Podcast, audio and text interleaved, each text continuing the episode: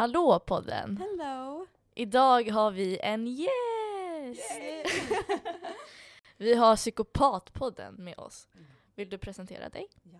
Hej, jag heter Maria och jag är en av de som driver Psykopatpodden. Jag är väl den som driver den mest kan jag säga. Min parhäst Linda hon kan aldrig följa med på någonting. Men eh, ja, så att idag sitter jag här själv med er i Husby, i en studio. Det Mm. ska bli jättekul.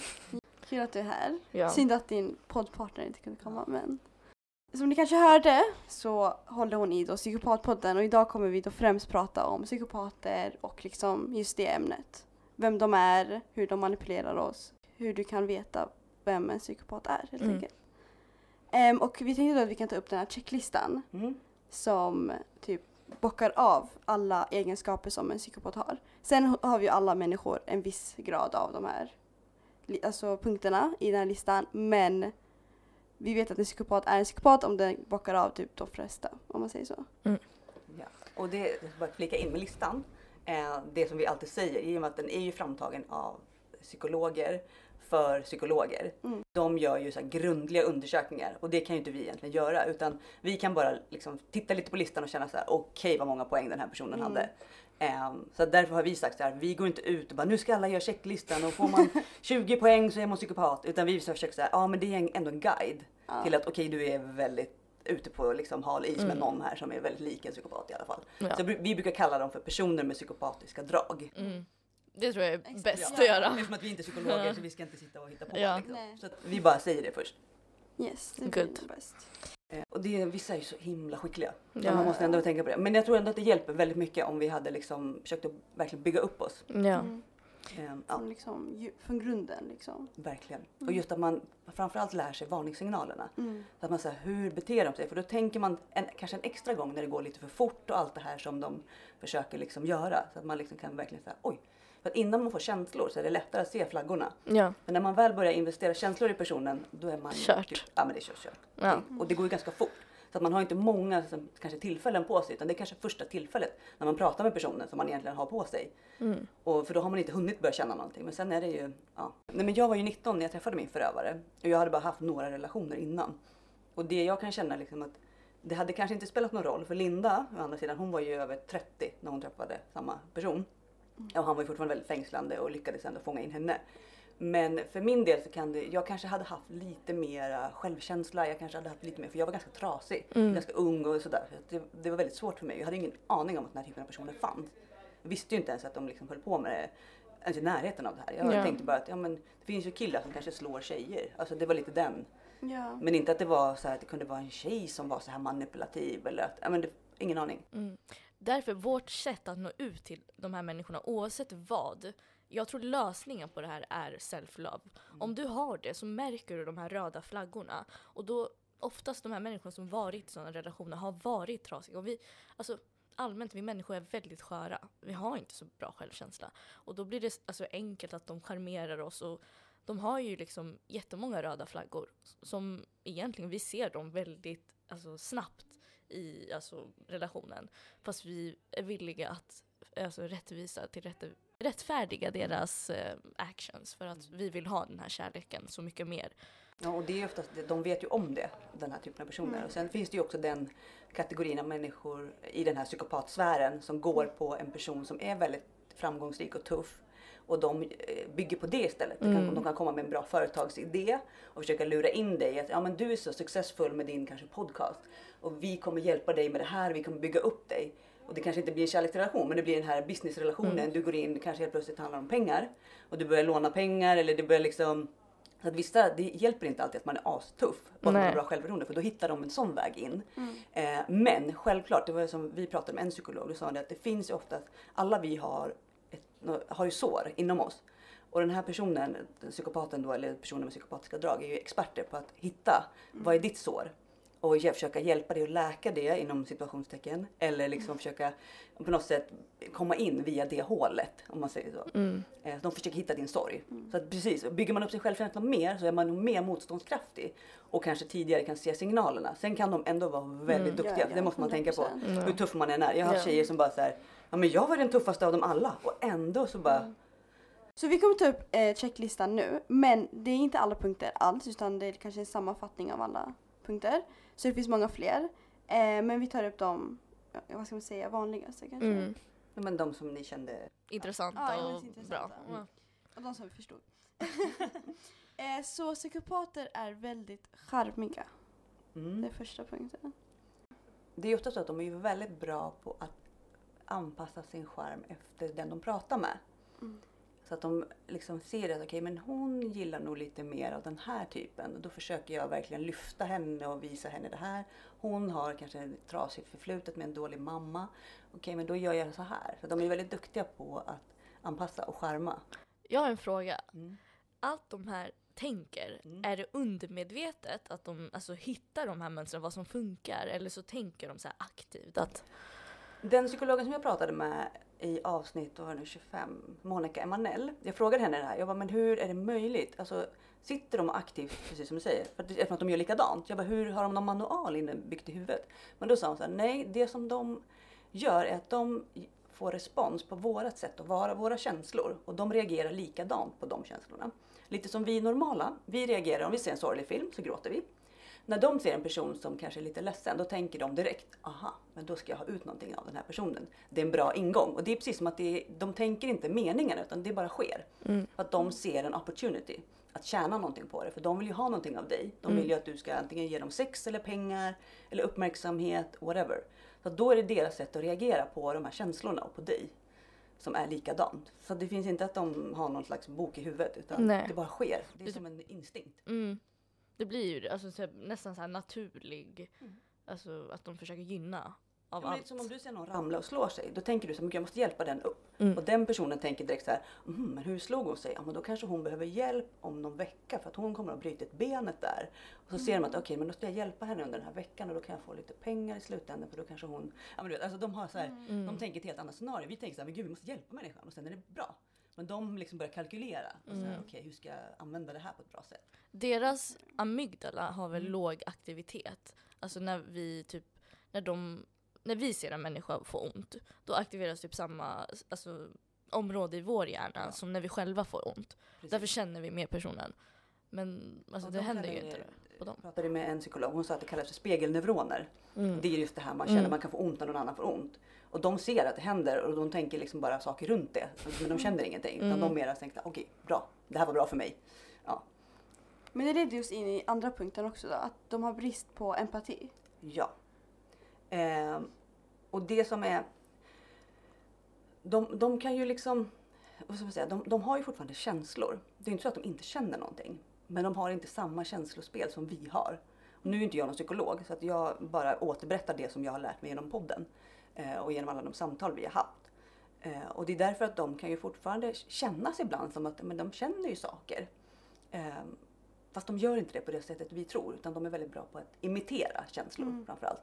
Imitera empati. Mm. Eh, så ibland kan det vara väldigt svårt att se att de ens är såna här. Ja. Att man tror att ja, men, ja, men känner nog någonting eller hon eller men det är bara fejk. Det som är så synd är att de hellre, hellre aldrig kommer kunna få en relation och på det sättet som vi kan känna i en relation. Det här, äh, alltså även om vi känner väldigt mycket när det går dåligt så det här som när det är det highs så kommer de inte heller kunna experience på det sättet. Nej, och det, det jag bara hänvisar till alla psykologer jag sagt, vi har också diskuterat de här sakerna. Men då var det också den här, men de saknar heller inte det. För jag var såhär, men de, de kommer ju aldrig kunna känna den här kärleken till barn eller till en partner och liksom det här liksom ärliga, genuina. Och då sa hon det, ja men de saknar inte det. För de, De har aldrig haft det. De, they don't care liksom. Mm. Det är som att, ja men jag har aldrig lärt mig kinesiska så jag saknar inte det liksom. Ja. Det är så, här, Det är sant. okej. Grejen, jag läste också det här med empati. Mm. Att de har inte det här, varför vi känner empati för någon, det är att när vi till exempel skadar oss, då har vi, då har vi den här känslan kvar i vårt huvud. Okej, när jag skadar mig, det är så jag känner. Mm. Samma sak, jag lägger aldrig handen på typ spisen för jag vet hur det känns, jag bränner mig. Sen när någon annan gör det, skadar sin hand, då, då aktiveras samma del i min hjärna som det gjorde när jag skadade mig. Men psykopater kan ju inte känna det här. Nej. Samma. De bryr sig inte om det. Nej, exakt. Eh, och det är väl det som är deras, deras poäng. Att, att de, för dem handlar det ju om att kalkylera allting och de tänker så här, okej men jag tar inte på spisen för det, det gör ju ont. Men de, det är inte så att de så här, ah, för de, de har andra missions hela tiden. Mm, det är mm. inte så viktigt för dem. Nej. Allt sånt här runt omkring. Utan de gör ju saker bara för att de ska tjäna någonting på det. Så att allt i deras hjärna är ju någonstans den är liksom uppbyggd på ett helt annat sätt. Precis som du sa, att de har ju inte att empatin lyser på samma sätt. Det är därför man kan göra de här hjärnscanner Mm. och mäta. Okej, lyser den här delen upp? Så är- ja, då är du förmodligen väldigt normal. Men lyser den inte upp? Nej, då är du en, ja, en psykopat. För att de har en helt annan Mm. Är det här medfött eller är det så här 50% miljö, 50% Ja, biologi? men, och de, vet, de, rena, de här, rena psykopaterna, de har ju med, det är medfött. Men de som är sociopater, Mm. då är det ju en uppväxtmiljö som har format dem till det. Eh, Men där finns det också väldigt mycket, för jag har också ställt den här frågan, jag har fått väldigt många olika svar och de, de har väl inte 100%, de är inte 100% överens om det hela. Nej. Ehm, utan där finns, finns det också liksom, i och med att en sociopat och en psykopat är väldigt lika och det kanske kan vara väldigt svårt. Det är inte som att man kan hitta jag menar, är det någonting som är trasigt i kroppen, när man har brutit ett ben, då ser man ju det. Men i hjärnan så funkar det inte riktigt på samma sätt. Det är så Mm. komplext, det är svårt Mm. att hitta. Men, du, vad är skillnaden mellan en sociopat Ja, och jag en tänkte också fråga det. Jag Skillnaden då så är ju att sociopaten går att bota. Jaha. Eftersom att den då inte är född med det. Utan Okej. den har ju då blivit formad av en miljö. Men där är det också så att vissa som kanske är uppväxta i en vidrig tortyrliknande känslokall miljö. De blir inte de. De blir inte sådana. De blir kanske Mahatma Gandhi och ska rädda Mm. världen. Ja. Till exempel. En gammal referens, nu är ni lite unga men ni kanske vet vem Gandhi är. Ja. Nej men alltså de blir sådana istället. Eh, och ska hjälpa folk. Mm. Och andra blir då istället vidriga och ska liksom, Mm. utnyttja och skada andra. Så att det är också sådär, vem, vem blir det och vem blir inte och varför blev den personen det? Och, mm, Är det inte typ, eh, alltså typ nästan 90% män som är psykopater? ja. Mm. Och det, där vi också, så här, vad är, det, vad är grejen med det då? Mm. Och enda svaret vi har fått är att våra hjärnor ser lite olika ut. Mm. Så att vi har mer empati, kvinnor. Ja. Eh, men fortfarande finns det kvinnliga psykopater men procentuellt så är det mycket mindre. Och sen att tydligen samhället formar ju också väldigt mycket narcissistiska män. Mm. Och narcissisten är ju ändå psykopat light som vi Mm. brukar kalla det. För det är ju ändå liksom en, en lättare version av en psykopat. Och, och samhället formar ju den här typen av person. Så att det också blir lite miljö och hur man ska uppfostras som tyvärr bidrar. ja. Okej, så är det en blandning mellan Mm. båda. Gud vad intressant det här är. Jag älskar sånt. Ehm, en förhöjd självuppfattning. Och med det menar de att de tror ganska mycket om sig själva. De tror att de är bäst, de tror att de är liksom där uppe och att ingen annan är på samma nivå. Ja, man kallar det grandios personlighet också. Mm. Det här big. Alltså som jag uppfattat det, skillnaden mellan psykopater och narcissister är att narcissisten, narcissisten känner hela tiden att du måste stå i centrum, vilket psykopaten inte gör. Mm, det, både och. Det som vi har lärt oss är att en psykopat är alltid narcissist. För det är ett karaktärsdrag hos en psykopat. Eh, men de behöver inte vara liksom, utåtagerande narcissistiska. Men de är fortfarande väldigt självcentrerade. Men de behöver inte ställa sig framför en spegel och titta och tänka ah, I'm hot. Alltså Mm. det är Okej. inte det. Men en som har narcissistisk personlighetsstörning eller som har narcissistiska drag. Det är ju det det går ut på. Mm. Att de är i centrum. Så det är ju själva draget. Men narcissisten behöver ju inte vara psykopat. Nej. Absolut inte. Nej. Så det är ju det som är, i och med att det är ett drag av en psykopat kan man säga. Mm. Det blir så svårt för det här, just det här yt, alltså ytliga som narcissisten har. Den är, så, den är mycket enklare att se också. Typ när du kollar på Donald Trump. Ja. Då ser du att han är narcissist. Ja. Men psykopater, som vi sa, de är väldigt så här, kalkylerade och det är inåt. Alltså den här grandiosa självuppfattningen. Och det blir mycket svårare att hitta också. Jo men för det var ju som, som min förövare, eh, apropå just det här med narcissism, är att han eh, tog aldrig bilder på sig själv. Han tyckte inte om att vara med på bild. Han eh, intog inte ett rum med att han, vad ska man säga, eh, var den som var den bästa i rummet. Utan det han gjorde var att han tog in mig i rummet och lyfte mig. Att det var jag som tack vare honom var den här stjärnan. Mhm. Så att han levde genom mig och på så sätt fick ju han cred. Men han själv ville inte ha rummet. Eh, om det inte var en mindre grupp, då tog han kontroll över samtalen självklart. Men om det var ett större rum, då skulle han liksom leda in mig och sen var det tack vare mig som han lyste upp. Eh, så att det blir en, en, vad ska man säga, han fick ju fortfarande det här eh, att han fick ju bekräftelsen. För att han var ju, det var ju tack vare honom, han var ju min manager. Mm. Ja, som, som, där kan jag ju säkert tänka att vissa av de här stjärnorna som är ja, men Beyoncés pappa kanske till exempel, nu vet ni, jag har ingen aning om honom. men jag bara tänker, det är Tiger Woods pappa kanske, alltså att de oftast de blir så, så säga, fokuserade på att driva upp en annan människa eh, för att då lyckas de också. Mm. Så att det finns en vilja där och då bygger det deras personlighet. Och min förövare dessutom var ju alltid först på allting. Han hade gjort så mycket saker i sitt liv. Han var bäst på saker, han var snabbast. När han gick i skolan så hade han gjort det här och det här och det här. Alltså, Han var oftast väldigt framgångsrik Mm. i sin egen sfär. Men när man väl kollade upp grejerna så mm, var det inte riktigt så. Men det fanns inte så mycket trace att hitta heller. Nej. Eh, så att de är väldigt bra på just den här att de bygger upp en självbild av att de är mycket bättre än er andra. Att de är mycket smartare och han sa också alltid att jag är smartare än psykologer så det är ingen mening för mig att gå i terapi. Ja, Det var, var det någon som var själv... Var det inte din som sa att han själv var psykolog eller någonting? han, han hade gått kurser i det ja. Så att han försökte vara coach till mig. Gud. Men när han, när han själv går i terapi, då han, han, han manövrerar ut dem alla. De är, mm, han är mycket smartare än dem. men Det Mm. behövs inte. Så att de, det är liksom deras bild av att de är så mycket mer än oss andra. Mm. Eh, det här hade typ Ellen DeGeneres. Mm. Hon hade väldigt, alltså en jättestark skiljelinje mellan hennes staff och henne. Man fick inte ha ögonkontakt med henne. Man fick inte tala med henne om hon inte talade med dem. Um, vad mer? Eh, man fick inte vara roligare än henne. Ta hennes space, liksom. Ja, Och det är just att de vill ju verkligen kontrollera sin omgivning. Eh, och verkligen liksom markera så här. Därför har de ju så mycket regler. Så att en sån person har ju kanske regler ut mot sina anställda och sina teamworkers. Liksom. Och är man i en relation, en parrelation med en sån här person så har de ju extremt mycket regler. Så det är ju det de, de bygger upp hela sin värld genom att kontrollera andra. Liksom. Och då behöver de ha de här reglerna, annars går det inte. drivs de av makt? Ja. Pengar, sex, makt. Allt som ger dem små kickar. Då blir det som en vinst varje gång. Mm. Så varje gång de har fått lägga med någon tjej till exempel eller om de har fått några, något stort uppdrag på jobbet eller att det så, så går de igång på det. Så det är det som driver dem. De blir ju inte glada av att få en kram liksom. Äh, Eh, de ljuger. Det enda de gör. Mm. Ljuger. hela tiden. Och de tror också mycket på sina egna Mm. Så att de, för dem är det inte alltid att de ljuger. Nej. Utan för de upplever det så här. Mm. De ser inte på världen på samma sätt. Utan de, om vi säger, om det hade varit min förövare som hade suttit här. Då hade han sagt att den här studion låg mitt inne i centrala Stockholm. Den var jättestor och vi hade liksom skitbra ljudisolering och de här personerna som poddar var grymmast. De kom precis hem från USA. Och jag sitter här och är jättecool. Mm. Så hade han förmedlat det. Han har liksom byggt upp det. Det hade fortfarande hänt. Det har, det, han sitter ju i en studio, det händer. Men han har målat upp allting till en helt annan. Så det blir ju som en, en, en helt annan värld de lever i. För det blir mycket roligare då. Mm. Mycket mer intressant för honom. Så att de kan ljuga om små saker. Ehm, det kan vara liksom att ja, men, eh, någon som poddade hade svarta byxor. Och de tycker att det är fint med svarta byxor. Det då sitter ni där matar, med väl, jeans och bara va? det matar väl deras självuppfattning då? Ja, och då blir det också så att i och med att de ljuger om så knepiga saker, man inte alltid, då blir det också att man själv tänker så här, ja men det kanske var så, här, men de hade ju svarta Mm. byxor de här tjejerna, varför Mm. skulle det inte vara så? Det är den, man tänker så här, jag skulle aldrig dra till med något sånt där.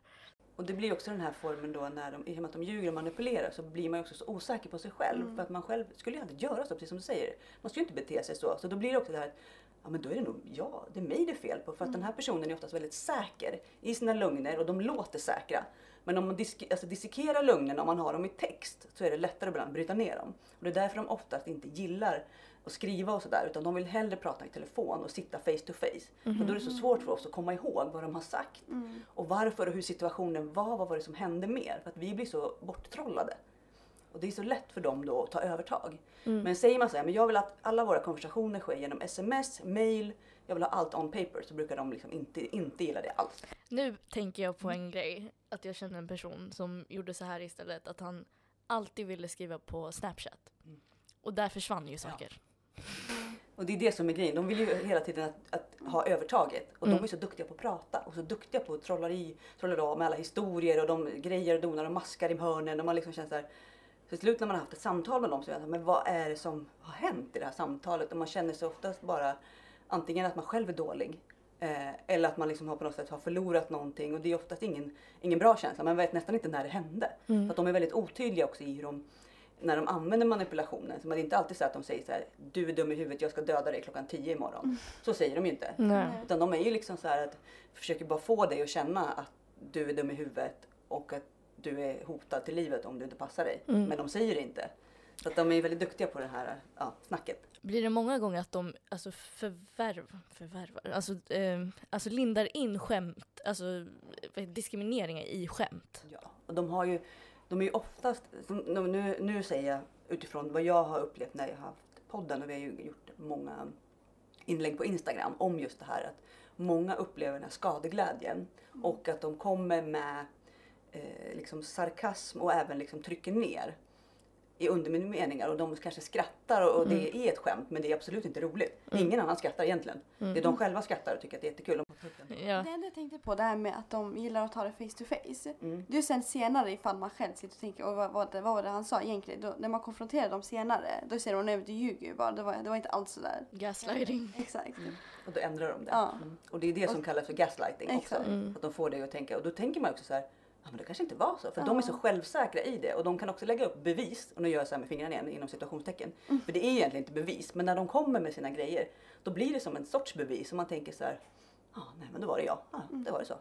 Och så man köper det. För man, oftast vi som är empater och vanliga människor. Som, så tänker man så här, men varför skulle de ljuga om det? Varför skulle man det? Jo, för att Ja. de är manipulatörer. Och, ja. Eh, jag tror vi kom in där lite innan också men behov av stimulation. Alltså de blir ganska uttråkade. Så jag Väldigt tänker snabbt. återigen där med Ellen till exempel. Att hon kan ju aldrig ha en så här vanlig konversation i hennes show utan hon måste alltid ha de här pranksen, någon hoppar ut från hörnet, någon behöver skrämma någon. Och hon tar ju alltid upp det och igen, när man ser henne då sitter hon alltid såhär, mm, ja jätteroligt och helt såhär ute. Och Hon är bara frågar. Ja, Mm. så. Men, och de, de är ju oftast kicksökare. Mm. För att de har ju, i och med att de inte känner vanliga känslor så måste de upp i nivå hela tiden för att Mhm. känna. För att det ska bli kul och det ska Mm. hända något och därför måste saker gå fort för att de blir så lätt uttråkade. Vi andra kan ju få, liksom, man kan ju ändå känna att ja, men det är intressant att sitta här och prata med två tjejer i en studio. Det är ganska kul. Men för dem så är det så här, de har tröttat efter två minuter. Och jag var ju helt säker på att min förövare hade någon form, av kanske ADHD eller någon sån. Men då sa ju en, en av de psykologerna jag pratade med, sa att ja, men ibland när de är psykopater till exempel så har de ju väldigt många. De har mycket av allt så de kan mycket väl ha det också. Mhm. Att de både är psykopater men också har ADHD och därför har de väldigt mycket energi. Så att det behöver liksom inte vara, det är inte ett karaktärsdrag hos en psykopat att den har ADHD men de har oftast många diagnoser och blir väldigt lätt uttråkade. Eh, att, ja. Jag hörde en tjej som pratade om narcissister, att de blir väldigt uttråkade i relationer. Och då är det väldigt enkelt att gå bort från relationen, alltså bara cold turkey, hejdå.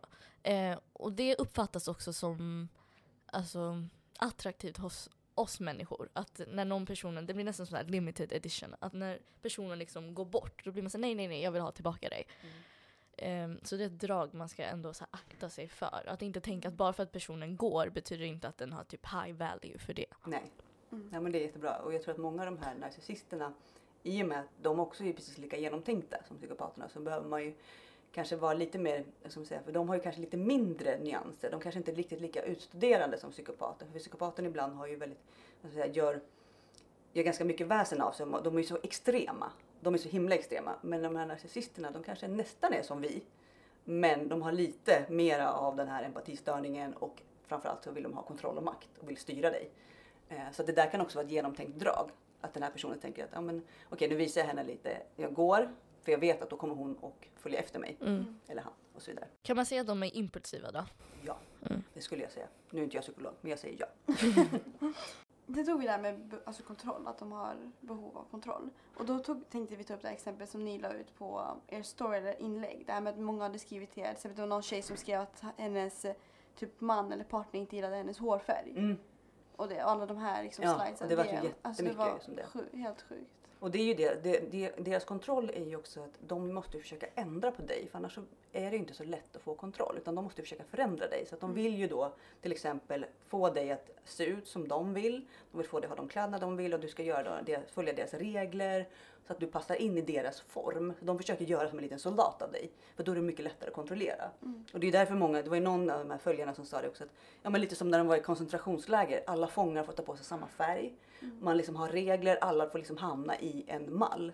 Och det är lite så de funkar också. Att de, vill liksom, de ska försöka få in dig för att du ska inte ha någon egen personlighet. Mm. Du får inte vara stark, du ska inte ha någon egen drivkraft. Utan allt ska gå igenom den här personen. För att annars är det svårare att kontrollera. Mm. Det är därför det är lättare att kontrollera som vissa som har föräldrar som är där. När de börjar från barn, då är det ju liksom när man då växer upp med en sån här typ av person som förälder så är det ju liksom extremt svårt för då blir allt färgat. Du hinner ju aldrig få någon egen vilja. Träffar man dem som vuxen då kanske man ändå haft lite, lite egna erfarenheter. Mm. Men som barn då har du inte en chans. Nej. Du, blir du som en liten minisoldat och superkontrollerad redan från scratch. Så att, ja. Fint. Och sen, sen när man blir äldre, det är då det liksom spricker.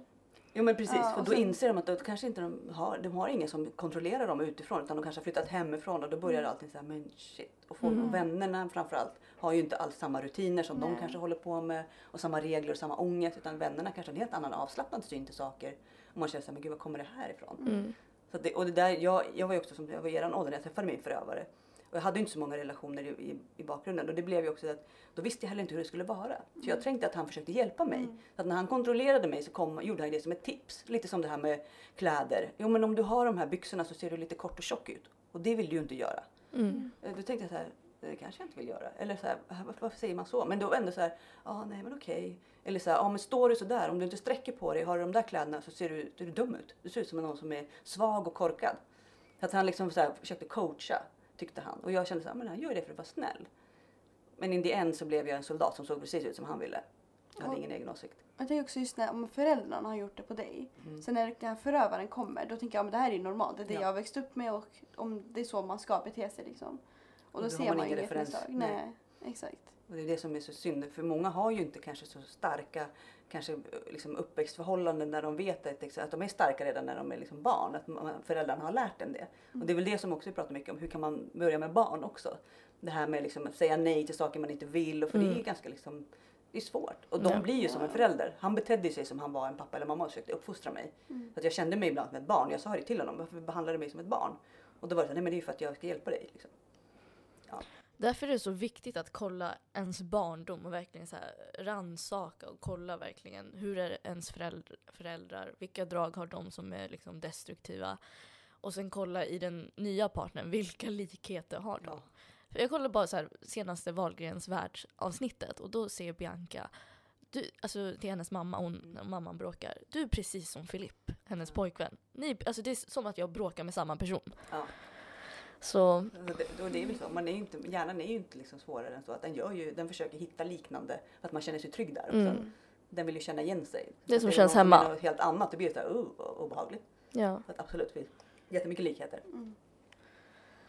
Så viktigt att typ innan man går in i en relation, det har vi snackat om så mycket, är att bygga sig själv och förstå sig själv och verkligen lära känna sig själv. Innan Och man går sina in. egna svagheter också. Ja. Vad är jag svag för liksom. Mm. Det tror jag är jätteviktigt. Så man liksom vet när den situationen väl kommer så Mm. okej det här är liksom red flags. Eh, tar inget ansvar för egna handlingar. Det, och det som, de blir ofta drabbade av andra. Så att andra gör saker mot dem. Det är andras fel att saker händer. Och det, är du i en relation så är det ditt fel att det händer. Är du i en arbetsrelation med dem så är det liksom yttre omständigheter eller arbetslagets fel. Det är aldrig han som är chefen Mm. eller hon som är chefen utan det är alltid alla andra. Och de är utsatta för saker och det är folk som vill åt dem och vill förstöra för dem. Så att det mycket handlar om att det är liksom nästan konspirationsteorier runt dem. Så att de är aldrig orsaken till någonting som händer. Men tar de på sig någonting och säger, ja men gud jag är hemskt ledsen. Då är det genomtänkt. Alltså då är det för att de vill ha någonting. Mm. Och det är väldigt sällan det händer. Men händer det så är det för att de vill någonting. Mm. Så att det är inte att de känner det. Nej. Det, det 99,9% säkert. Alltså de är väldigt bra på att fejka det. Alltså att de känner saker. Samma sak om vi ser, det finns eh, en tjej på um, Real Housewives. Mm. Eh, och det finns en tjej som heter Lisa Vanderpump. Och hon har ju så här, antingen narcissistiska eller psy- psykopatiska drag. Och hon älskar djur. Alltså hon har typ tio olika alltså, dju- ja, hundar och ponnys och svanar, allting. Och det kan ju vara att hon gillar den här kontrollen hon har över djur. Det går ju att manipulera, äh, inte manipulera, men Mm. att eh, verkligen få dem Som under Hitler. lydnad. Ja. Hitler förr, alltså när Hitler Mm. ruled, han, han kan man säga psykopatiska drag. Eh, han, har, han införde ju massa så här, djurlagar som Mm. skyddade alla djur. Mm. Eh, nu vet jag inte exempel på vissa men just för att han tänker att de här djuren kommer ju lyda mig. Eh, och han kan ju ha kontroll över de här djuren så han införde massa lagar så han liksom kunde ha den kontrollen över dem. Och det är ju lättare. Djur och barn är ju liksom Mm. easy target. Mm. Så var inte fooled by om du tror att en person älskar djur. Men den verkar ju så empatisk. Ja, men för vår förövare, eller min förövare, jag säger vår eftersom jag inte här. Mm. Ja men han hade med en hund in i vår relation. Och den här hunden var ju liksom, jag tänkte det när jag träffade honom, han hade hund, tänkte jag så men gud vad fint av honom eftersom att hunden var ju från ett omplaceringshem. Eh, men jag märkte ju det under relationen att hunden blev ju mitt ansvar och jag skulle gå ut med den och jag skulle ta hand om den. Och han bara använde den när han själv behövde. När han behövde kanske lite kärlek eller liksom, och det var kul när han kom hem för hon var ju så jätteglad. Men annars var det ju mitt ansvar. Allting som hände som var dåligt, om hon skulle till veterinären eller hon var sjuk, då brydde han sig inte. Så att det var ju väldigt mycket spel. Mm. Ehm, och, jag, och oftast är det ju så att de har ju allting de gör är ju det ska ju handla om att det ska ge dem någonting. Mm. Vad det än är. Så Mm. att om det är att de har 40 hundar så är det ju för att det ger dem någonting. Men de ser oftast till att någon annan tar hand om the dirty work. Liksom. Eh, och de, de hela tiden är ju också vad ska man säga, de är upplyfta av sig själva så att de ser ju inte någon annans behov i det. Så att är de en förälder eller har de någonting de så ser det ju bara när de själva. Så där kan man ju märka lite grann också att de, de håller inte hela vägen då. Utan Mm. de kanske tar på sig saker men sen så spricker det någonstans för att det blir för mycket ansvar. Mm. Det är för mycket rutiner. Det går inte. De kan inte hålla. Utan det, det, de låtsas ett litet tag Mm. sen så spricker det. Jag läste en bok som hette Disarming the Narcissist. Mm. Och där pratar hon om att narcissisten är så alltså, inne i sina egna problem så att den kan inte se någon annans De är alls. självupptagna där. Ja. Mm. Och det är väl det som är deras, liksom, narcissistens säga, tydliga karaktärsdrag. Att den, har, den är ju upplyft av sig själv och det är den som är i centrum. Mm. Och det är väl det, psykopaten har ju det draget. Samtidigt som den har massa andra grejer också som gör att den är ännu vidare. Men jag tänker just med de här typen av checklistor och att man på något sätt kan läsa av lite grann när man träffar en ny person. Om de har de här dragen så finns det ju personer som är jättehärliga och kan ha de här dragen, absolut. Men det är ändå dags att som, ta ett litet steg tillbaka och fundera och inte kasta sig själv in i det. För att jag hade en psykolog som sa att att eh, oftast när man träffar, om vi tar parrelationer, för det är oftast det vi pratar ganska mycket Mm. om. Eh, det kan också vara att man träffar någon ny kollega på jobbet också. Men oftast så är vanliga människor är tyvärr inte riktigt lika intressanta och lika roliga. Och de, tyvärr, man är inte det. Om det är för good to be true, då, är det, då är det det. Ja men lite så. Sen finns det ju självklart unika fall där människor är jättefängslande och härliga och inspirerande och jättefantastiska. Men det är oftast inte så. Att oftast en vanlig kille som den här personen refererar till är inte så romantisk. Nej. Kanske gör inte alla saker rätt, säger inte alla saker rätt utan det kanske blir lite fumligt och liksom kanske inte får de där rätta blommorna, du kanske inte får de där rätta sakerna de säger. Den kanske inte är lika kul. Eh, Men det är för att man är en vanlig person och man har massa brister. Utan man är inte gjord för att, att läsa dig och göra exakt som du vill ha. Men de här personerna vill ju göra så att du ska komma in så fort som möjligt i deras liv. Och liksom veva in dig. Och då vill de liksom anpassa. Så att är det någon som verkligen känner att det här är rätt för mig. Vad den är. Så, så kan man liksom vifta den här flaggan lite i alla fall. Mm. Eh, vad tänkte jag på? Alltså i en sån relation så är the highs very high and the lows are very low. Och det gör automatiskt att när, du väl, alltså när det är så lågt kommer du uppskatta the highs väldigt, väldigt, väldigt mycket. Och när man varit i en sån relation, tagit sig ur, nästa partner som är inom situationstecken liksom healthy kommer inte kännas lika, vad ska man säga, fängslande och lika exciting. Det kommer inte kännas som the spark. Nej, och det är det som, som jag kände att jag var lite så här, precis the spark. Jag kände att magin är borta. Mm. Att jag var ju som hög i början. Jag alltså var på riktigt. Jag var så här, nu händer det. Nu är det som mitt liv. Allting vänder. Jag har vunnit en miljon på liksom, cash bara. De har ramlat in i mitt liv. Så kände jag. Jag var helt berusad. Och då blev det så att när det vart dåligt så ville jag så gärna tillbaka till det där bra. Jag bara, men jag måste göra allt för att det ska bli bra. Och då hade han sina regler. Om du gör allt det här så kommer det bli bra. Det blev ju aldrig bra. Det tog 11 år. Jag Mm. insåg att det kommer Ja. aldrig. Det spelar ingen roll vad jag gör. Men när man då träffar en vanlig person så blir det också så här. Mhm, det blir inte lika kul. Nej. Men då måste man också påminna sig om att varför, vad är det den här personen gjorde? Och så måste man försöka kanske prata med sin nya partner och liksom säga okej, nu har jag levt i det här. Men vi behöver kanske hitta sätt där jag kan få lite eufori. Vad kan vi göra tillsammans? Att man har en Mm. dialog om det också. För att en, en normal person kan ju inte förstå det här. Nej. Det blir som att man tar hand om en missbrukare. För det blir ju typ av missbruk. Det man, blir man, ju man det. knarkar ju sina hjärnor. Ja. ja men dopamin, alla de här, det blir ju som, nästan som droger. Det är Mm. samma, alltså. Och de, de psykologerna som har jobbat mycket med i podden, de säger ju det att det är ju per, alltså, det är på riktigt, det är ju samma effekt. Det är samma effekt. Ja. Det är ju som heroin. Liksom. Ja. Så det är därför det är så svårt att lämna. Ja. Du blir ju verkligen beroende på riktigt av Mm. de här. Det är inte bara så här, oh, men det är jobbigt att lämna, utan det är så här, ja men du faktiskt Mm. behöver dem för du mår riktigt dåligt utan. Det var någonting min tjejkompis efter ett tag märkte, att det här med intimitet. Mm. Då utsöndrar vi ju oxytocin som är liksom bondningshormonet som gör att du bondar till personen. Mm. Och speciellt killar, Mm. de bondar inte på samma sätt. Utan de har te- testosteron och det gör så att de inte får samma effekt. Mm. Och hon trodde ju hela tiden att det var, att det, var det här med ja, men, intimiteten och hormonerna. Mm. Men sen, det där är en aspekt i det, men sen finns det också det här med trauma bonding Mm. som jag tänker att vi kanske går in på sen. Ehm, och trauma bonding är en sån där sak, det är ju samma som Stockholm syndrom Mm. ungefär. Mm. Men det är inget vi får lära oss. Alltså det är inte något som många människor pratar om alls. Och när man tänker på Stockholm syndrom det låter det som så här, ja, men om du blir kidnappad. Mm. Det är inte så här, det händer inte mig och dig liksom. Man ser ju inte sig själv som kidnappad. Man ser inte sig själv, alltså jag såg Nej. inte ens mig själv som att jag var i en relation där någon misshandlade mig. Mm. Utan jag såg liksom att jag var i en relation som var komplicerad och att jag hade problem och behövde hjälp. Det var mitt, mitt problem. Inte att jag blev slagen i 11 år. Så att det är ju det också, när, när traumabondingen sätter i så blir du ju så också förblindad av förövaren så att du är inte ens medveten om att du är där. Alltså du är, inte, du är en vanlig relation. Mm. Bara att den är lite annorlunda. Alltså ens självuppfattning blir ju helt, Ja. Alltså verklighetsuppfattning, allting. Så det är ännu svårare att liksom ta sig ur och se klart. Och i och med att de också, när de jobbar med traumabondingen så använder de ju också att man, man hamnar i situationer där man blir så jäkla ledsen och nedbruten. Och sen kommer de efteråt och lyfter upp en och räddar en ur den här Mm. situationen. Men det var ju de själva som ner och, ja, stoppade den i det där hålet. Men de kommer sen och hjälper den upp i hålet. Och det blir också så där, och då kommer man bara ihåg den här känslan av när de kom och hjälpte den i hålet. Mm. Inte hur man hamnade där från Mm. början. Nej. Så det är det som också blir att allting blir så skevt. För Mm. Att man, man tappar liksom, man tappar orienteringen på vad som, vad som händer på riktigt. Man är så söndermanipulerad. Därför är det så viktigt att, alltså, vi snackar om dagbok eller skriva ner Mm. dåliga saker och bra saker som man har gjort och verkligen ha det framför dig, kolla varje natt typ. I alla fall till en början. I början måste man ha den här äh, alltså angern för att kunna ta sig ur relationen. Vara typ arg på personen.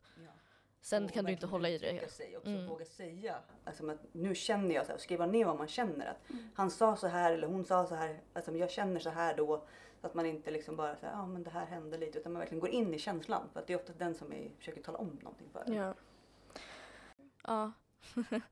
eh, mitt bästa tips är, alltså förlåt, det här, vår lilla dator är lite skum så det kommer bli lite hoppigt. Eh, mitt bästa tips är att skriv ner de dåliga stunderna. Verkligen, alltså när du är inte i the rock bottom, skriv ner varje känsla, alltså gå in i det och verkligen, som du sa, känn det. Skriv ner det, kolla på det varje natt och ha det anger och försök alltså bygg upp din självkänsla och verkligen älska dig själv. Ha en liten bild på dig själv när du var liten och, och skriv en text till dig själv. För egentligen, alltså det är mycket enklare att känna kärlek för den här lilla mig när jag var liten. Um, vi har ett helt avsnitt på hur man bygger självkänsla. Um, men don't hang on the anger utan förlåtelse och liksom let go of the past. För grejen är, den här personen, när du är i en sån situation så känner du dig som maktlös. Den personen har makt över dig. Men om du hold on to the anger så har den fortfarande makt över dig. Du är fortfarande ilsken och bitter. Och, utan ta tillbaka makten genom att själv bygga dig själv och gå vidare. Och det, är det, en- alltså det enda sättet att vinna över dem är att gå vidare och må bra. Det finns inget mer som sticker i deras ögon än det. Och det är det enda sättet du kan liksom move on också. Så. framförallt också, jag tänker här, man måste vara snäll mot sig själv i det. Att det var inte ditt fel. Ingenting var ditt fel. Du drabbades av en väldigt sjuk person som Mm. försökte förstöra för dig. Så att man tar med sig den här self-compassion i det. att, Mm. Okej, jag har varit med om det här. Jag har rätt att vara arg. Jag har rätt att vara ledsen. Sen måste jag också jag måste skrapa ihop mig själv för min egen skull. Mm. Absolut. Sen behöver jag kanske hjälp. Att man vågar ta hjälp. För det finns ju så mycket bra hjälp att få. Ja. Det kan vara lite snårigt att hitta rätt. Eh, Men där vi har ju mycket även på Instagram där vi lägger ut vad man, olika tips och olika hjälpforum som finns och, och även hitta hjälp i andra. Prata med andra som drabbas. Alltså att man får stöd och kraft. Så att man, behöver, man behöver ork igen. Att orka gå vidare också. För många är ju arga men också väldigt trötta. Mm. För den här personen har ju liksom dränerat en på all energi. Så man behöver liksom hitta styrkan. Mm. Hitta något sätt som ger en kraft igen så man orkar vidare. Ja. Det var min andra punkt, att verkligen förlåta dig själv. Ja. Alltså verkligen, alltså så här, vem som helst som skulle vara i de skorna, de omständigheterna som jag var, skulle agerat på samma sätt som jag. Och det är bara att förstå det där och verkligen vara så här, vi alla gör det är klart, alltså hur ska jag veta det här? Det är, så här, det är jättesvårt att veta det. Nej, och det var som jag sa innan, det finns ju de som, de som har jobbat med det här. De, jobbar med människor som kanske, har, kanske är psykologer de kan, och ändå så åker de dit på det. Ja. Mm. Så att det, är ju, det var ju han psy- psykologen som föreläste om psykopati som blev lurad av en psykopat. På en sån här föreläsning så att psykopaten såg till att han fick betala allt. Och du vet, man bara så här, men hur är det möjligt? Man är så här Mm. jätteframstående forskare på psykopati ändå blir lurad av en psykopat. Vad att de är duktiga. Mm. That's it. Så att man, man kan liksom inte, det är svårt. Nej. Eh, Och någonstans får man se det som en liten komplimang. Att den såg någonting den kunde vinna hos Ja. mig. Man har någonting. Ja. Har du ingenting att ge dem så är då är du inte intressant. Så att, absolut, de, Mm. de vill ju hitta en person där de kan få ut så mycket som Mm. möjligt. Ja, att, absolut, det är en komplimang på sjukt sätt. Men det är absolut en komplimang, jag tänka. Det, alltså det jag, jag tror, jag vet inte om jag nämnde det innan, men det jag tänkte på som är sjukt viktigt just efter att du har lämnat att verkligen kolla på varför allt det här hände. Just varför är den här personen som den är på grund av den här psykopati. För när man väl lär sig om de här psykopaterna, narcissisterna och alla de här människorna då blir man så här mer förståelig i hur de beter sig. Inte att det är okej att de beter sig så men man är så här, okej du vad? De är så som de är. Ja, det var inte mitt fel. Jag kunde inte göra någonting annorlunda Mm. alls. Och det är bara så det är. Mm. Och det handlar aldrig om, om dig. Nej. Nej. Aldrig. det har ingenting med mig Nej. att göra. Det spelar ingen roll, för de är precis likadana mot vem Mm. som helst. Mm. Alltså, man tycker nästan synd om dem för att de miss out om det man själv kanske, till till exempel det här med barnen, att känna för barn eller en relation. Det kommer de aldrig kunna få, även om de inte alltså, missar det så är det ändå inte någonting de kan ta del av heller. Så försök se det positiva och förstå dem, tyck synd om dem och sen är det bara att man springer därifrån. Det, tänk inte att du kommer kunna, det är en sak att vara empati, alltså ha empati och det är en annan sak att hjälpa en person. Empati handlar bara om att du ska förstå personen, Mm. inget mer. Mm. Så det är viktigt att förstå att de inte kan ändras. De kan inte ändras. Nej, det går inte. Nej. Och det är därför de säger, de rekommenderar nollkontakt när du har lämnat Mm. en sån här person. Det är nollkontakt. Du kan liksom aldrig försöka hänga on och liksom försöka få dem att förstå eller liksom det, det kommer aldrig hjälpa. Så det är bara Nej. lämna, gå, prata aldrig med dem, blocka dem, bara håll dem borta i ditt liv. Mm. Har du barn med dem, ja då är det tough shit. Det är det som är, då får man försöka med the grey rock method. Ja, det har jag också hört om. Gråsten, Mm. var så tråkig som möjligt, ha gärna någon annan som sköter all kontakt. Allt ska vara på sms, mail. Mm. Ingen liksom Mm. snickeli-snack utan bara håll dem kort och borta. Mm. Ja. Det är det enda som funkar. Man kan inte ändra dem, det går Nej. inte. Du kan inte vinna. Och man, kan vara, man måste vara honest med sig själv. att Man är svag och det är så här, att det är jätte, även om man tänker så här. Nu har jag varit utan honom, jag är stark, jag vet bättre. Gå, försök inte leka med eld. Det går inte. Mm. Jag har ju ibland följare som hör av sig och så här. Så, ja men det var en kvinna, hon hörde av sig och sa det att han hade blivit så himla mycket bättre nu. De hade ju varit separerade i fyra månader. Mm. Och så hade man, finns det de som kan ändra sig? Och så här, men fyra månader har gått. Och så här, jag är hemskt ledsen, jag tror inte det. Jag tror absolut du inte frågar det. om Jag tror jag säger jag absolut inte det. Jag tror att det är en tanke bakom det. Sen finns det de som kanske lever i ett missbruk och har liksom fått vissa personlighetsdrag och de kanske går i terapi och bygger upp sig själva att de kan bli en annan människa. Men den här typen av personer har väldigt svårt att se det, Mm. att det skulle gå. Mm. För att jag tycker man ska akta sig. Och grejen, psykopati och nazism är så djupt inrotat på grund av olika anledningar. Till exempel deras barndom är just medfött och biologiskt. Så de, det är lite omöjligt att kunna ändra det. Jag kan inte ändra de hormoner som utsöndras inom mig. Det går liksom inte. Så därför kommer inte de här psykopaterna heller kunna ändras. För det är oftast en tanke bakom Mm. det. Mm. Jag tycker man ska passa sig. Det är bättre att välja någon annan. Ja. Det finns så många. Ja. Ja, ja. Hellre kan- ingen. Ja, faktiskt. Ja. För det är liksom inte värt det. Även Nej. om det, det är inte värt det. Nej. Då är man fast igen. För grejen, alltså, även om du förlorar tid, du förlorar massa energi. Ja. Alltså bara den här energin som du förlorar, det är den som egentligen är värd någon tid. Okej, 10 år, 20 år, visst du förlorar det. Men just den energin som du dräneras av, Mm. det är den som egentligen gör ont. Ja, och de tar ju bitar av dig själv. ja, Exakt. det är det jag tänkte. Och, och raderar och bygger Ja. om dig till någon konstig robot. Och du måste du försöka komma på vem du är. För du Mm. blir liksom ingen till slut. Risken att förlora sig själv är liksom... Det är Det värsta. Ja. När ni liksom är ute på nätet, hur liksom funkar klimatet för er? Alltså hur, kan ni liksom se, så här, ja, men jag, nu träffar jag en ny kille på Snap. Hur får ni känsla för, liksom, hur, när upptäcker man en sån här grej? Jag menar, som, om man träffar någon live så kan man ju lättare se det. Men när man är på nätet och chattar, jag träffade ju min på nätet. Mm. Vi satt i ett chattrum. Mm. Och det var ju jättelätt för honom att blända in mig. Sen var jag tvungen att ringa honom. Så att han, han lyfte ju rätt snabbt själva chattandet mot att jag skulle ringa honom och prata Mm. med honom. Och då var det ju fast. Eh, men hur funkar det för er idag? Liksom? Hur är klimatet? Vet du, jag ska ge ett tips. Mitt tips är att leta inte dating på nätet. Det är få gånger det blir bra. Bra. Ja. Eh, men också typ om personen frågar om bilder, personen är väldigt på, tjatig. Eh, som jag sa, blockar den eller tar bort den och så addar tillbaks. Så är det är röda flaggor som vi alla snackar om. Så fort du ser röda flaggor, spring. Oavsett om inte personen är psykopat eller narcissist så är det fortfarande röda flaggor. Det är fortfarande ett, ett destruktivt mönster. Mm. Som Man du inte- ändå se det lite, även om det Exakt. är online liksom. För ni har ju mycket kontakt online. Ja. Eftersom att ni är ju mera liksom i mobilerna Mm. än kanske den äldre generationen som är liksom 50, 40-50 nu. Ehm, men jag tänker, jag, jag skulle bara vilja skicka med, vad, vilket är ert bästa råd till de som är i eran ålder? Gällande liksom att, att undvika eh, den här typen av personer. Se ditt värde. Mm, verkligen. Vi har ett helt avsnitt på hur man ser sitt värde. Vilket avsnitt? Ehm, hur man bygger självkänsla som Rihanna, Ja. eller självförtroende. Eh, Ehm, Men det jag skulle säga just med det här med alltså, själv, se sitt värde. Jag har verkligen märkt att efter det här senaste året, typ förut har man sett typ, I don't know, Vampire Diaries och gillat den här Damon typ. Mm.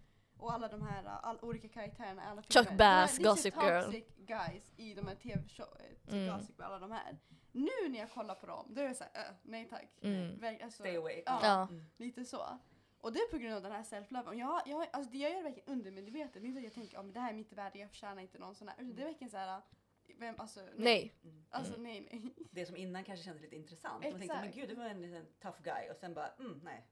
Mm. dunder, dunder narcissist. Jag vill Mm. inte Ja. ha mitt liv. nej. Nej. Och det här med psykologi också, att man verkligen förstår det här och fattar att det alltså bottnar sig i osäkerhet. En narcissist är jätteosäker. Mm. Vi har ett helt avsnitt om narcissism, två avsnitt har vi om narcissism och hur man går ur ett traumabonding. Eh, och när man fattar det så känns det inte som att man heller vill vinna eller ge sig in på den, den relationen. Eh, ja, vi har ju ett tips. Det Mm. handlar om att oftast, typ om vår vän skulle bli utsatt för en sån relation, vi skulle aldrig låtit den vara i den relationen. Och det handlar om att vi har mer, vi har mer respekt för vår kompis, vi har mer kärlek för den kompisen. Och det är för att kompisen redan från dag ett visat, visat en consistency av actions. Den har visat att den är trustworthy, den har visat att den är förlåtande och den älskar dig. Och när man gör det i flera dagar, säger första dagen till tusende dagen, då får du det här. Du, du älskar personen, du litar på personen. Och problemet är att vi gör aldrig det på oss själva. Utan vi lovar oss en sak och sen gör vi inte det nästa gång. Och det säger undermedvetet att du kan inte lita på dig själv. Mm. Så jag skulle säga att utveckla alltså, karaktär, alltså karaktärsdrag, att du kan vara konsistent i saker. Men också att ha disciplinen att göra saker. Det är när du gör, när du mediterar, när du äter bra, när du alltså, gör saker som är rätt för dig, när du pluggar, när du om, umgås med bra, eh, rätt typer av människor. Det är då du bygger ditt alltså, self-worth. Och då kommer du inte vilja, när du har den disciplinen, då kommer du inte vilja ha människor som inte har disciplin i ditt liv. Typ um, ja, men, narcissister, en person som ringer i klockan 11 på natten. Ja, kom hem till mig nu. Vi alla vet vad det kommer leda till. Mm. Och när du har den disciplinen, då jobbar du antingen 11 eller så sover du klockan 11. Då har du inte tid för den narcissisten eller psykopaten. Nej. Men Det är jättebra tips. Svårt, men jättebra tips. Ja, Ja. det är svårt. Men det känns som att det är människans största men, utmaning. Mm. Det är Att ju man det. liksom ska ta kontroll över sig själv också. Mm. Och verkligen visa att men jag kan ta hand om mig själv. Den är, och det är därför vi behöver lära våra barn det. Så att man Mm. från början får, får dem den hjälpen. För många har ju så trasiga relationer från barndomen så att man är halv innan man Mm. ens har kommit upp i vuxen ålder. Ja. Att vi alltid brukar säga att alla föräldrar borde gå en så här Kurs. Mm. innan alla får barn. Alltså Mm. verkligen, så jag vet lite mer om psykologi, hur du som förälder verkligen påverkar Mm. ditt barns hela liv egentligen. Det är typ en av mina största rädslor. Att de sakerna jag har bärt med mig från min barndom, att jag lägger det på mina barn. Och inte ens bara det, jag är rädd att jag gifter mig med någon Ja, för fan. som Ännu värre. dagarna och visar det till mina barn. Det är nightmare. Den, Ja. När man väl får barn så är man där varje Mm. dag och tänker, "Åh, gör jag det eller gör jag inte? Liksom. Mm. Så att det, och jag tror det viktigaste också, om man känner att man inte har kontroll över situationen och känner att man verkligen tar hjälp. För det är så många som Mm. tänker och tänker och sitter hemma och åren bara går Mm. och de kommer inte ur det. För att de kan inte, man kan inte ta sig ur det själv. Man har inte den kapaciteten.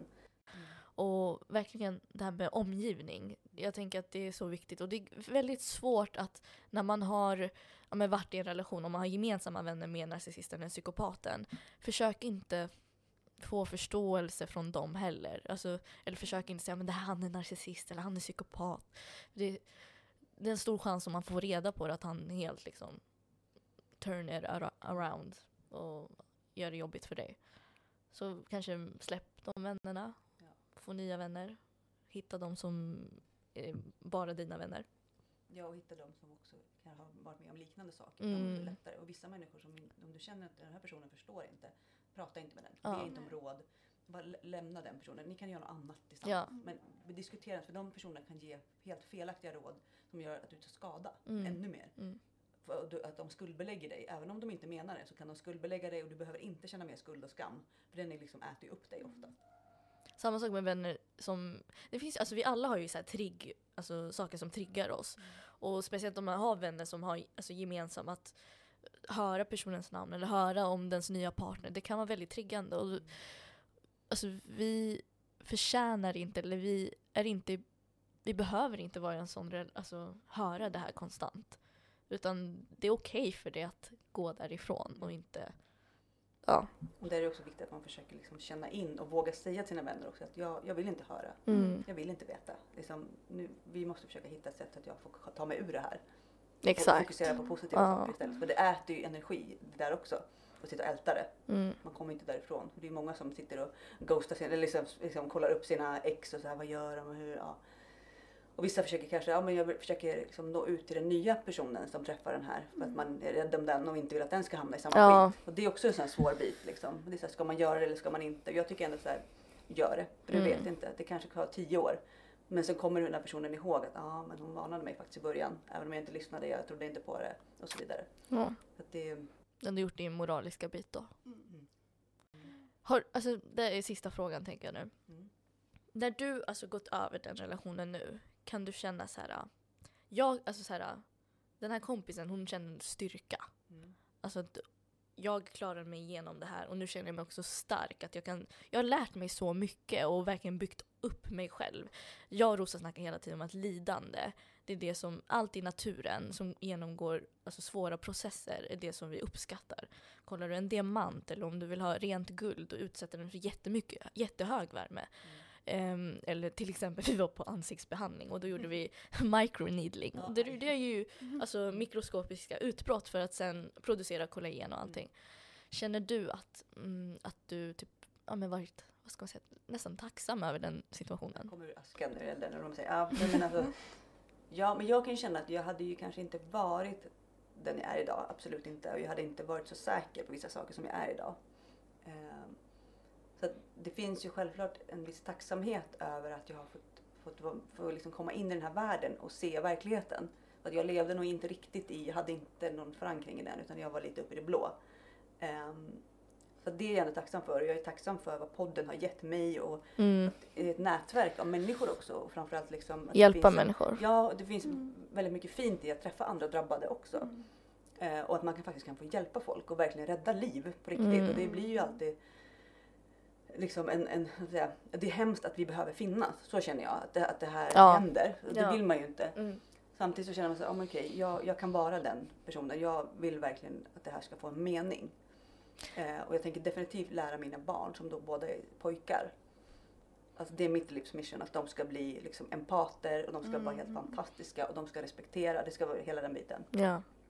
Och sen det enda som man kan känna, som jag kan känna är att det kommer alltid finnas en bit av mig som är borta, som jag, som jag aldrig får igen. Mm. Och jag får ju bara fokusera på det som finns framåt och försöka släppa den, den sorgen. Mm. Att okej, nu blev det så här.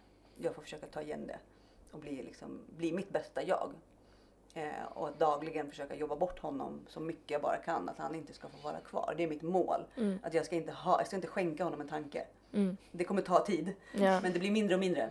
Eh, Så jag är ändå tacksam för det. För det Mm. har gjort mig extremt medveten om vad som händer runt omkring. Ja. Och vem jag är.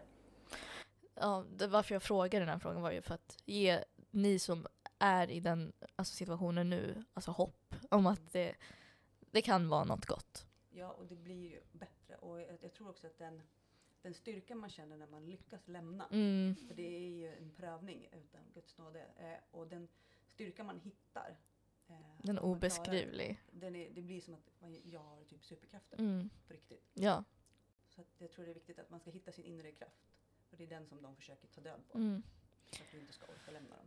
Jag tror alltså när man kommit ur en sån relation och väl byggt upp sig så är man starkare än någon annan som även fått en så här healthy barndom. Man är liksom, ja. Och det är där man måste också vara lite vaksam då som jag sa om man träffar någon som när man nu är stark. Mm. Som försöker då kanske typ i en företagsrelation. De, de försöker spotta starka personer. Ja. Mm. Och lurar dig på någonting eller att du ska gå in och börja jobba med någonting som du inte alls Mm. ville och så vidare. För att man tänker att Nej, men det här, jag kommer aldrig träffa en annan kille som är så här. Mm. Men så träffar man en kvinna på jobbet. Så man måste passa sig. De finns i alla. Ja, de gör det och de känner in det där. Mm. Och de känner det och de försöker ta det. Då kan, då kan du ramla i en helt annan. För jag har flera som har de bara, jag skulle aldrig träffa en annan kille men så var det någon Pengar där eller någonting. Bara, Damn it! Ja. Och så hamnar de i något arbetsmässigt som de inte hade tänkt sig. För de är ju som sagt överallt, man gäller att passa sig. Mm. Verkligen. Men kunskap gör ju, det är det som, det är våra största vapen mot de här personerna. Verkligen. Det är verkligen så. Vi- Det är det enda vi har Mm. egentligen. Och varandra framför allt. Att vi är flera och att vi liksom gaddar ihop oss, försöker pejla av och hjälpa varandra. Det är det enda liksom som vi Ja. kan göra. Att de vill att man ska vara ensam och utsatt. Mm. Isolerade. Ja. Ska vi runda av?